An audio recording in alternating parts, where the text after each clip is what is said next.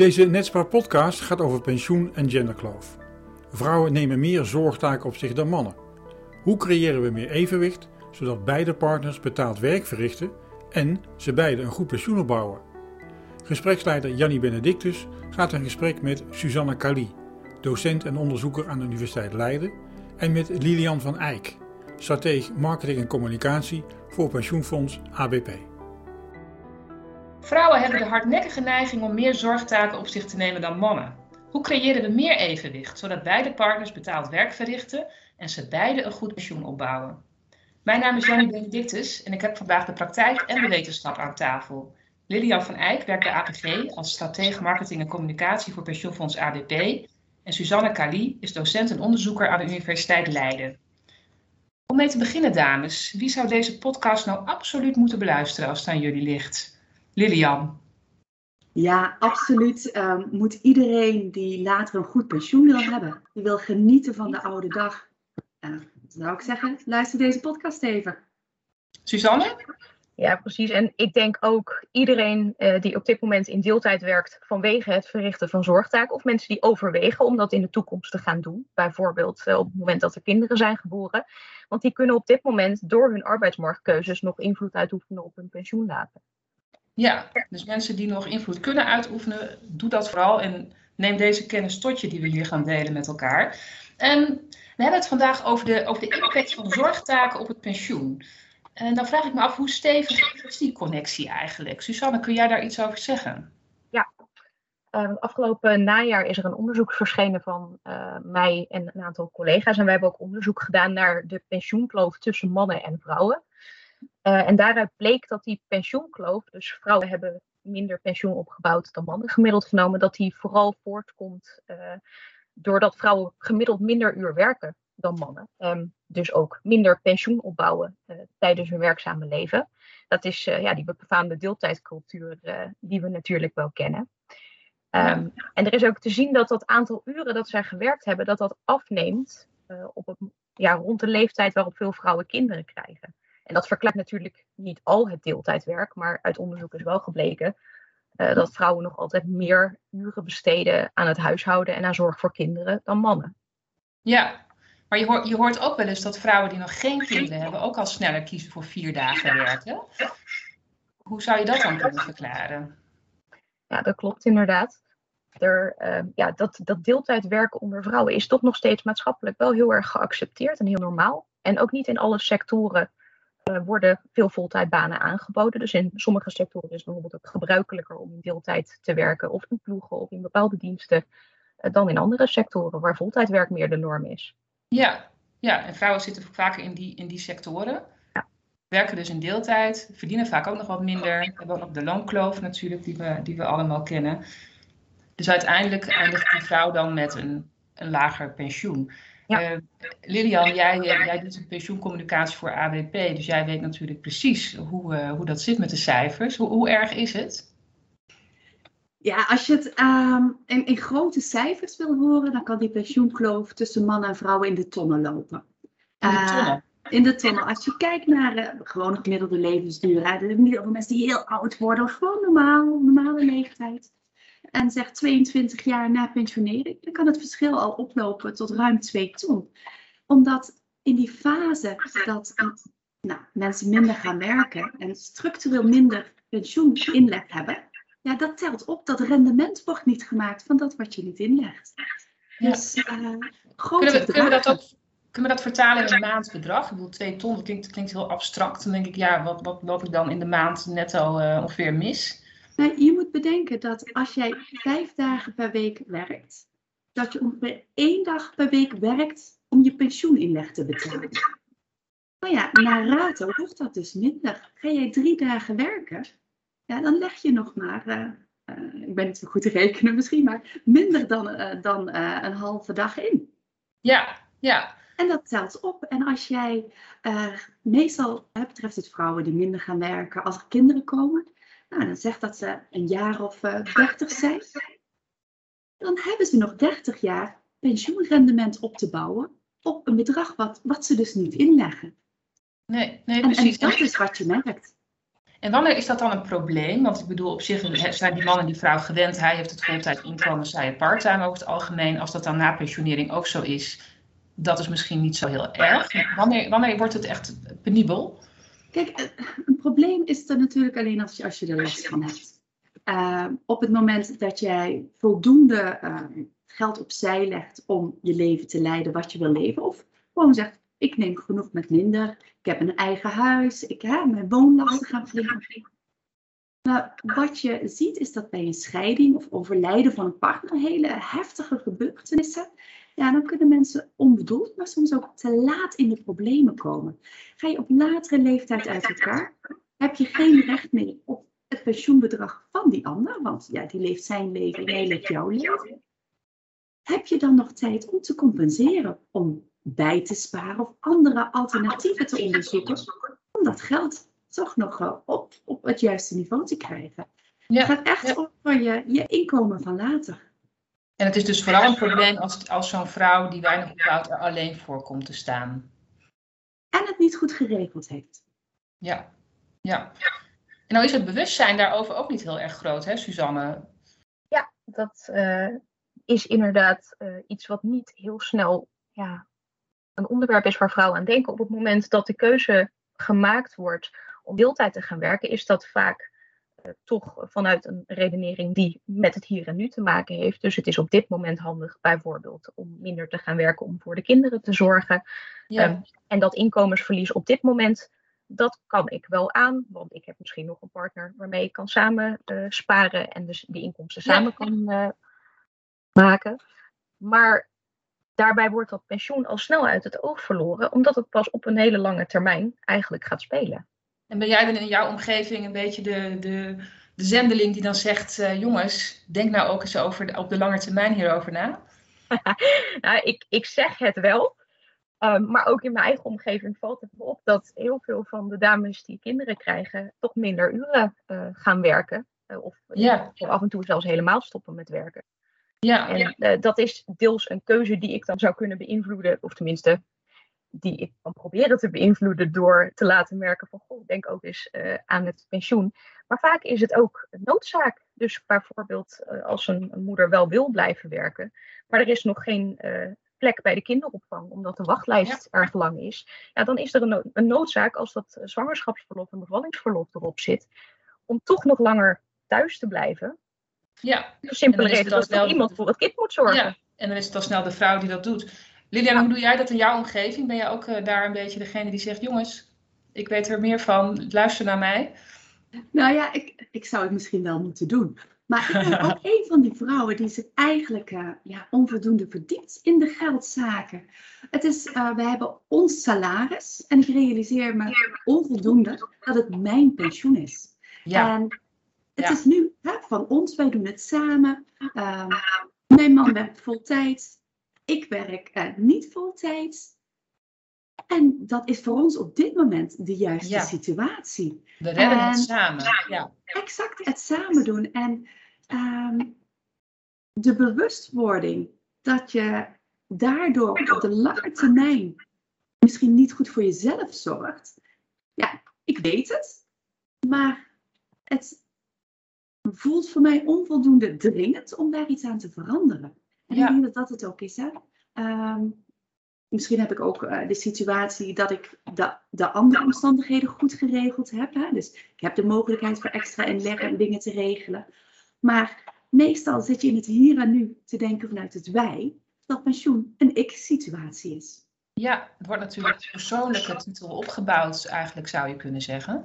Um, maar als je getrouwd bent, dan is het toch wel zo dat je, wat tijdens het huwelijk is opgebouwd, dat moet dan toch verdeeld worden?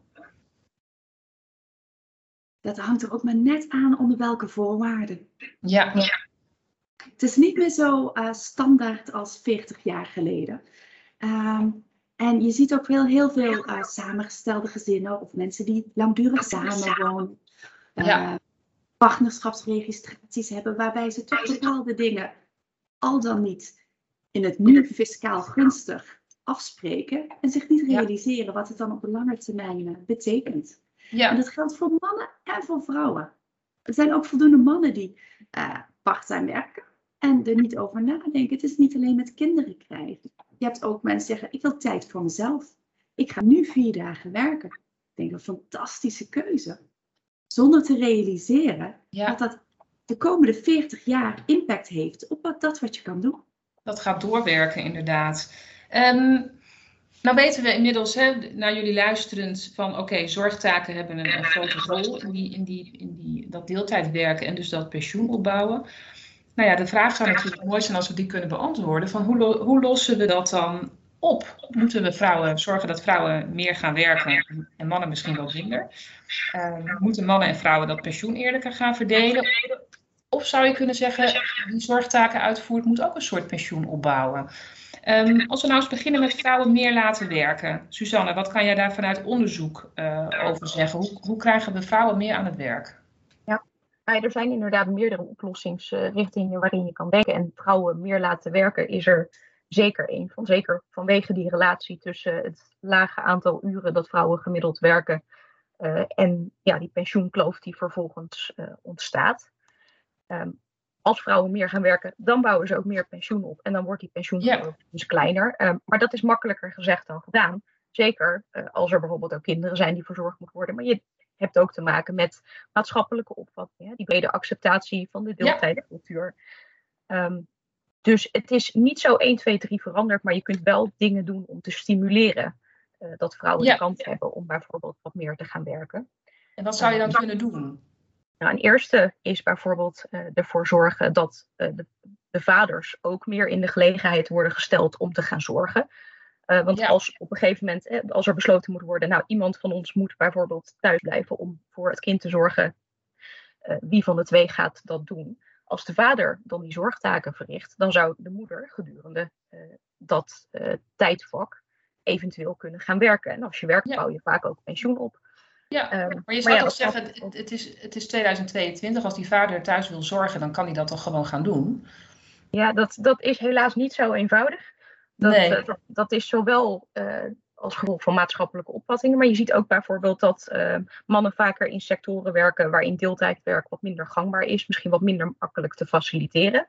Ja. Um, en je ziet ook vaak dat er, dat er praktische overwegingen zijn die daar ook bij meespelen. Dus bijvoorbeeld de moeder geeft nog borstvoeding, dan is het toch wel zo praktisch als zij degene is die thuis blijft en de man die gaat werken. Mm -hmm. um, maar je zou mannen wel, kun, wel kunnen stimuleren, bijvoorbeeld door uh, een bredere mogelijkheid te geven voor mannen om verlof op te nemen. Want op dit ja. moment hebben vaders wel recht op verlof. Er is uh, vaderschapsverlof als dat kind uh, net geboren ja. is.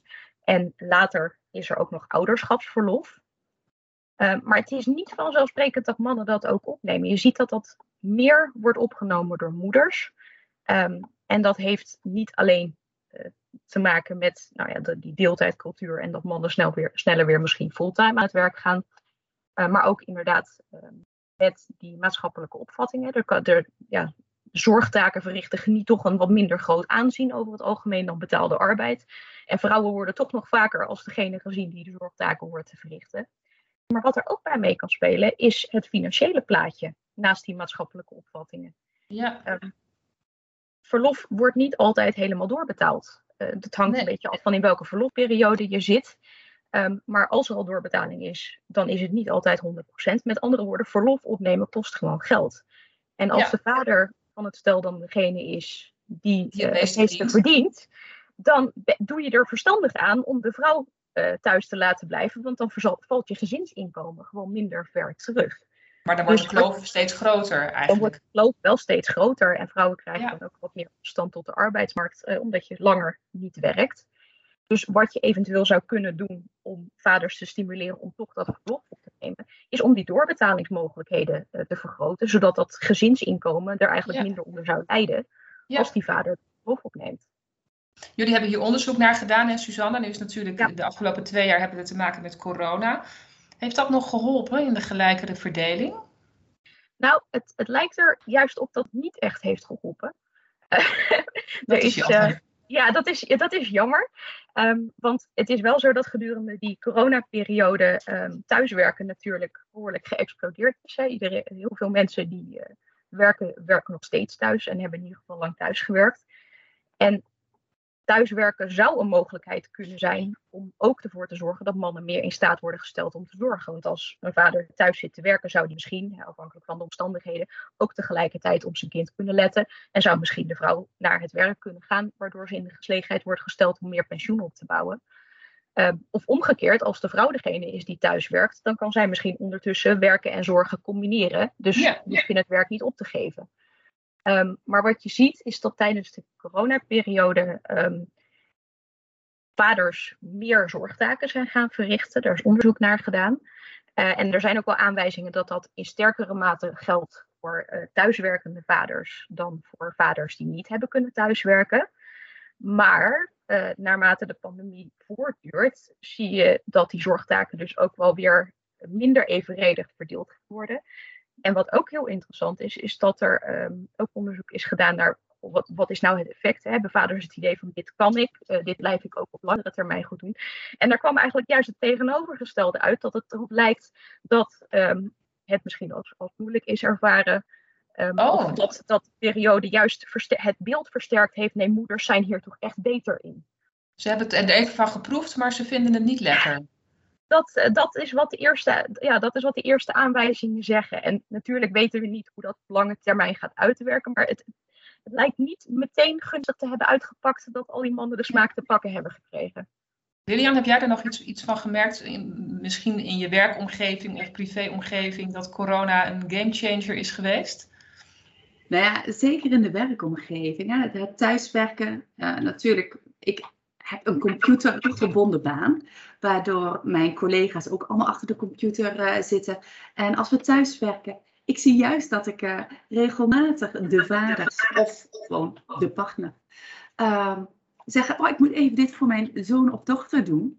Uh, en ik moet eerlijk zijn, ik heb veel mannelijke collega's die ook part-time werken. Dus ik denk ook dat er een, een shift in mindset zit. Ik heb misschien ja. relatief veel jonge collega's. En het, dat er niet zozeer om gaat wie neemt die zorgtaken op zich, dat het ook heel vaak de keuze is, wat Suzanne net zei. Wat is het beste voor het gezinsinkomen op dit moment? Ja, en dat dat veel bepalender is. Ja, absoluut. Dus we, we, we zouden, ja, als je zegt van goh, doe iets aan het verlof voor jonge vaders, stimuleer ze ook om het op te nemen, dat, dat zou kunnen helpen. Um, Lilian, jullie doen ook vanuit ABP iets aan bewustwording. Hè? Ik, ik, las iets over een reality check campagne. Kun je daar iets over vertellen? Wat, wat kan dat teweeg brengen? Ja, uh, reality check, dat is eigenlijk uh, een paar jaar geleden gestart om toen nog vooral uh, vrouwen bewust te worden van het feit wat de impact is als je part-time werkt. Nou, ondertussen is dat zich uh, verder gaan ontwikkelen. ABP kijkt verder dan alleen de vrouwen en ze zeggen je hebt financieel bewuste en financieel minder bewust. Uh, die hebben verschillende behoeftes. Maar ook de financieel bewuste uh, personen, die hebben vaak niet door dat financiële keuzes nu. Ik kan het me veroorloven om minder te werken, want mijn netto salaris en ik kan nog steeds geld opzij zetten. Dat dat impact heeft op de opbouw van je pensioenvermogen. Ja. En het gaat er dus niet om dat je weet wat je nu hebt. Ja, daar gaat het natuurlijk ook om. Maar het gaat er ook om dat je bewust bent van wat je straks krijgt. Ja. En dat je niet laat verrassen over. Maar hoe, maar hoe, kun je dat dan als, vanuit jouw rol uh, duidelijk maken aan die vrouw? Moet je, moet je op het UPO eh, zetten van. Let op, als u meer uren gaat werken, dan zou dit de uitkomst zijn. Hè? Hoe kun je daarmee bemoeien op dat niveau? Nou, kijk, kijk als het UFO nou door iedereen gelezen werd, zou ik zeggen, doe me meteen. maar we hebben dus voor, voor een andere manier gekozen. Als je kijkt naar reality check, wij zijn ooit begonnen met um, fysieke trainingen en daar was ja, eigenlijk veel vraag naar. Toen kwam corona, uh, ja, dan kan je die fysieke trainingen niet meer doen. En zijn we overgestapt naar een uh, online uh, ja, eigenlijk omgeving, een e-learning. Die zijn we in november gestart. En wat wij daarmee willen is de werkende Nederlander, dus niet alleen de AWP's, maar iedereen die werkt, bewust maken via inspirerende verhalen, maar ook inzichten wanneer zijn keuzes in het nu, nu belangrijk, voor je inkomen van later. En dat platform wat we ontwikkeld hebben, Reality Check, ja, dat, dat wordt zoveel bezocht. Dat is echt ongekend. We zitten al op, op ja, meer dan 100.000 bezoekers. En okay. dat blijft maar doorgaan. En het voordeel van reality check is, naast bewustwording krijg je ook inzicht in je eigen situatie. Daarom doe je die e-learning. En daarna krijg je gewoon tips. Uh, hoe kan ik het verbeteren? En je moet dan wel uh, pensioenopbouw bij ADP die concrete handvaten in een persoonlijke begeleidingstraject te kunnen krijgen. Ja. En we zien dat het werkt. Het wat, voor, wat, voor, handvaten krijgt iemand dan bijvoorbeeld? Um, door alleen na te denken, denk eens na, hoe zie jij je pensioen voor je? Wat, wat verwacht jij van de periode dat jij niet meer werkt? Wil je gaan reizen of wil je in de tuin gaan werken? Ja, wil je gaan reizen? Dat gaat iets anders, financieel. Wanneer je zegt, oh, eindelijk rust. En ik ga lekker in mijn moestuintje werken. En ik ga wat vrijwilligerswerk doen. Ja. Wat is jouw beeld van de toekomst? En wat is er nodig om dat waar te maken? Ja, en, en moet je ook um, bij de mensen zijn die invloed hebben op die keuzes van die vrouwen. Dat zou je bijvoorbeeld ook iets met werkgevers kunnen doen. Of voor mijn part met een verloskundige. dat iemand een waarschuwing, op bepaalde sleutelmomenten een waarschuwing geeft. Of een, of een wake-up call geeft. Van, hè, heb je er al over nagedacht? Lilian, zou je dat, uh, zou je dat als, als pensioenuitvoerder ook met stakeholders kunnen neerleggen? Um, kunnen, absoluut.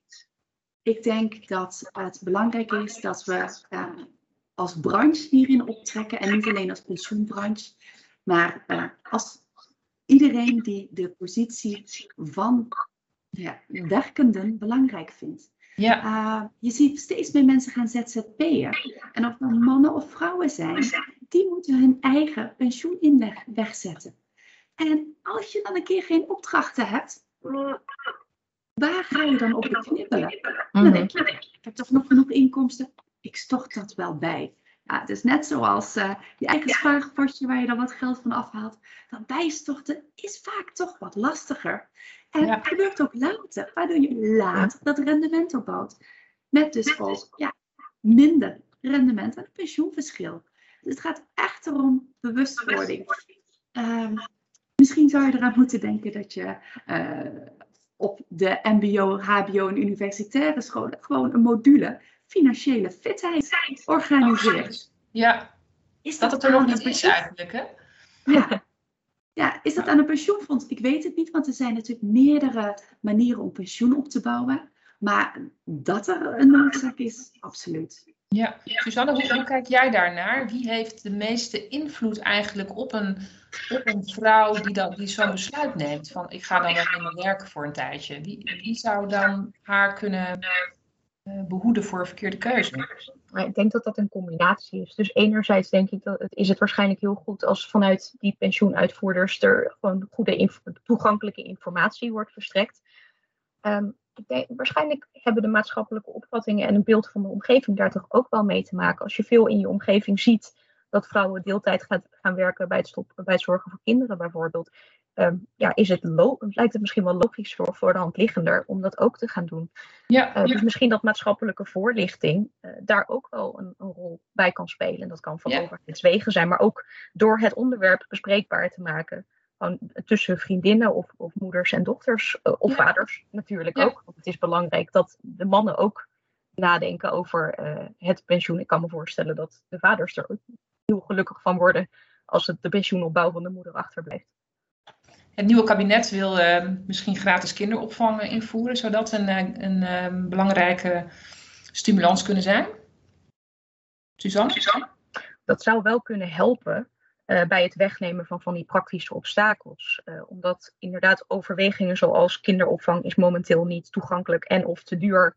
Uh, dus kies ik, de vrouw met het laagste inkomen van ons twee, er maar voor om thuis te blijven. Ehm, dat soort praktische bezwaren zouden dan worden weggenomen. Het, is het een oplossing voor alles? Nee, waarschijnlijk niet. Maar zou het een stimulans kunnen zijn? Dat denk ik wel. om de simpele reden dat er meer gelegenheid komt om die tijd aan te wenden voor, voor arbeid en dus pensioenopbouw. Lilian, hoe zie jij dat? Nou ja, ik, ik denk ook dat los van uh, uh, kinderopvang, er regelmatig gekozen wordt voor andere redenen. Of het nou zorgzaak zijn, een sabbatical, uh, deels als een ZZP'er aan de slag gaan, hè, naast je hoofdberoep. Op dat moment lijkt het een fantastisch idee, meer tijd voor mezelf, de wereld zien, zelfontplooiing. Maar we realiseren ons niet dat die keuzes hele lange impact hebben. Ja. En die ja. bewustwording, los van kinderen, denk ik is het allerbelangrijkste. Ja, misschien tijd voor een post 51 campagne. Nou, dat, dat zou misschien geen slecht idee zijn. Zulk, zulk soort maatschappelijke voorlichting zat ik, uh, zat ik al wel aan te denken. Ja. Het is die bewustwording uh, die er op alle mogelijke manieren misschien uh, naartoe moet. Ja, en bewustwording, maar ook uh, ja, een handelingsperspectief. Hè, van wat kun je dan inderdaad gaan doen? Je kunt dus inderdaad uh, meer gaan werken. Je kunt in ieder geval zorgen dat je weet hoe je ervoor staat en of je daar dan ook oké mee bent. Mm -hmm. Of dat je misschien nog iets moet regelen om te zorgen dat als er iets misgaat, dat het dan in ieder geval allemaal goed staat. Hè, dat je recht hebt op datgene, uh, nou ja, dat je het wel uithaalt waar je recht op hebt, laat ik het zo zeggen. Dus dat zijn dingen die je kunt doen. Um, wat, wat je ook nog zou kunnen doen, daar heb ik ook in een paper van, uh, van Suzanne over gelezen, is dat je niet zegt die vrouw gaat meer werken, maar we gaan aan de achterkant eigenlijk compenseren dat als je zorgt, dat er ook pensioen mee opgebouwd kan worden. Kun je dat toelichten, Suzanne? Wat, bedoelen jullie daarmee? Ja, wat we daarmee bedoelen is dat uh, op dit moment is het die opbouw van het arbeidsvoorwaardelijk pensioen, dat is gekoppeld aan het werken. Uh, en op het moment dat je niet werkt, bijvoorbeeld om die zorgtaken te verrichten, dan valt die pensioenopbouw, dat deel ervan, valt ook weg. Ja. Wat je in andere landen ziet, bijvoorbeeld Frankrijk uh, of uh, Engeland, uh, is dat daar ook voorzieningen zijn waarbij mensen die zorgtaken verrichten, zoals het zorgen voor kinderen, ook een soort doorlopende pensioenopbouw hebben. Dus dat je een soort van ja, opbouw krijgt voor de periode dat je niet werkt vanwege die zorgtaken. Zoiets zou natuurlijk ook denkbaar zijn in Nederland. Dat ja, je ook ja. buiten die arbeid een soort pensioenopbouw kan krijgen omdat je zorgtaken verricht. Ik kijk even naar de praktijk, uh, Lilian. We, we, hebben natuurlijk in Nederland ook de AOW, wat, wat, wat hè, een, een, iets is wat iedereen toekomt. Hoe, hoe, zou, hoe zou, dat, zou je dat kunnen realiseren, wat Suzanne uitlegt? Um, ik, ik ben onvoldoende uh, belastingtechnisch onderlegd om daar iets over te kunnen zeggen. Maar het zou natuurlijk mooi zijn wanneer we dat sociale vangnet in Nederland hebben, dat uh, de gelijkwaardigheid op alle vlakken uh, ja, erin wordt gebracht. Um, minder werk op dit moment is minder pensioenopbouw. Minder pensioenopbouw betekent ja, dat je voor keuzes komt te staan later die je misschien onvoldoende realiseert. Um, los van het feit wat we aan de achterkant allemaal kunnen realiseren, dat, dat duurt nog heel lang, denk ik dat het vooral belangrijk is dat we nu aan die bewustwording werken, zodat ja, iedereen inzicht krijgt in de eigen situatie. Ja. De financiële situatie nu en straks. Ja, inderdaad. En dan, van, van daaruit voor zijn of haar situatie de beste beslissing neemt. Exact. En nog even over die, die zorgtaken, want ik denk bij zorgtaken vooral aan uh, jonge kinderen. Um, wordt daar ook mantelzorg mee bedoeld, Suzanne? Is zorg in brede zin? Ja, dat is zorg in brede zin. Dus je kunt ook denken aan uh, mantelzorg bijvoorbeeld. Wij hebben in ons onderzoek wat explicieter gekeken naar de zorg van kinderen, omdat je daar natuurlijk bepaalde juridische um, regelingen voor hebt, zoals die verlofregelingen. Um, maar mantelzorg is natuurlijk ook een reden uh, voor veel mensen om in deeltijd uh, te werken. Ja. En ook andere vormen van informele zorg kunnen ja. daaronder vallen. En, en zie je dan ook dat, dat, want als het dan gaat toch om zorg voor kinderen, op een gegeven moment zijn kinderen natuurlijk groot, gaan ze naar de middelbare school, gaan ze studeren.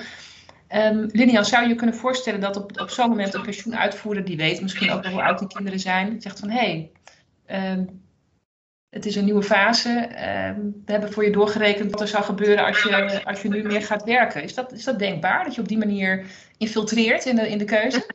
Ja, op het moment dat iemand inderdaad alleen pensioen op zou bouwen bij ABP, ja. Uh, dan hebben we dat inzicht. Maar mensen bouwen natuurlijk meerdere potjes op. Uh, het hebben van meerdere banen, eh, dat gebeurt heel veel. Ja? Iemand kan in de bouw werken, bij BPF Bouw, pensioenopbouw, en docent zijn op het MBO. Ja. hoe leg je een straat? Dus wij hebben niet het volledige inzicht. We hebben wel verschillende tools waarin we proberen onze, ja, wij noemen het dan deelnemers, dus iedereen die pensioen opbouwt, te activeren om juist die informatie ook in een tool te zetten, zoals pensioencoach, zodat we ze daarmee kunnen helpen. Maar uitgaan van de informatie die wij hebben als zijnde de complete werkelijkheid, ik denk dat dat valse, ja, uh, valse informatie is. En het complete plaatje, eigenaarschap, ligt toch echt bij de persoon zelf. We kunnen wel helpen inzicht te geven en grip te krijgen op de eigen financiële situatie. Ja, maar het begint dus eigenlijk allemaal bij, uh, bij bewustwording. Nou kan het best zijn dat er, dat er in deze podcast luisteraars zijn die denken, hmm, dit gaat misschien ook wel over mij. Ehm, wat is de eerste stap die deze persoon vanavond of misschien morgen moet zetten, Suzanne? Ja, ik denk dat de eerste stap die dan gezet moet worden, is proberen inzicht te krijgen in de eigen situatie. En dat kan op verschillende manieren. Dat kan via een, website zoals mijnpensioenoverzicht.nl, waar je wat meer inzicht krijgt in hoe het ervoor staat met je pensioen. Dat kan ook inderdaad door eens naar de website van je pensioenfonds te gaan. Ehm, maar wat heel het kan ook via een financieel adviseur natuurlijk, als je echt helemaal uh, gegrepen bent door het onderwerp uh, en ernaar wilt kijken. Maar wat vooral heel belangrijk is om, om op een rijtje te zetten van nou, hoe, hoe zit mijn arbeidsverleden er eigenlijk uit? Hoe zit het op dit moment? Hoe, zal, hoe wil ik dat dat naar de toekomst zich ontwikkelt? Uh, omdat je daar ook zonder de exacte cijfers bij te weten al wel een inschatting van kan maken van goh, leidt dit tot een, een laag pensioen of juist tot een hoger pensioen? Zit er een groot gat uh, met het pensioen van mijn partner of niet? Ja, Lilian, wat, wat denk jij wat de eerste stap moet zijn die mensen moeten gaan zetten nadat ze deze podcast hebben uitgezet? Ja, praat erover. Met uh, je partner of met, met, met je, je, je, je naaste. En als je dan zegt, ja, ik weet eigenlijk niet goed hoe het zit. Uh, ja, ga dan op onderzoek uit. Mijn pensioenoverzicht, zoals Suzanne zegt, heeft je inderdaad goed inzicht in wat heb je waar opgebouwd. En wat is de verwachting dat als je blijft werken wat je nu doet, wat je aan pensioen opbouwt. Uh, namens ABP wil ik iedereen uitnodigen om naar realitycheck.nl te gaan. Om daar gewoon die, die, die test te doen. Van oké, misschien denk ik dat het goed zit. Maar ja. zit het wel goed? Ja, en het, lijkt, en het lijkt nog allemaal heel erg ver weg, maar je hebt, als je er nu iets aan doet, dan heb je er later plezier van. Um, goed, dus met elkaar in gesprek gaan, dat hebben wij in ieder geval gedaan uh, in deze podcast. Mag ik jullie hartelijk danken, Lilian van Eyck en Suzanne Kali. En de luisteraars, bedankt voor het luisteren en uh, tot de volgende keer. Dag. Hartelijk dank voor het luisteren naar deze Netspar Pensioen en Wetenschap podcast. Meer weten over ons pensioenonderzoek? Volg ons kanaal voor meer podcastafleveringen of kijk op www.netspar.nl.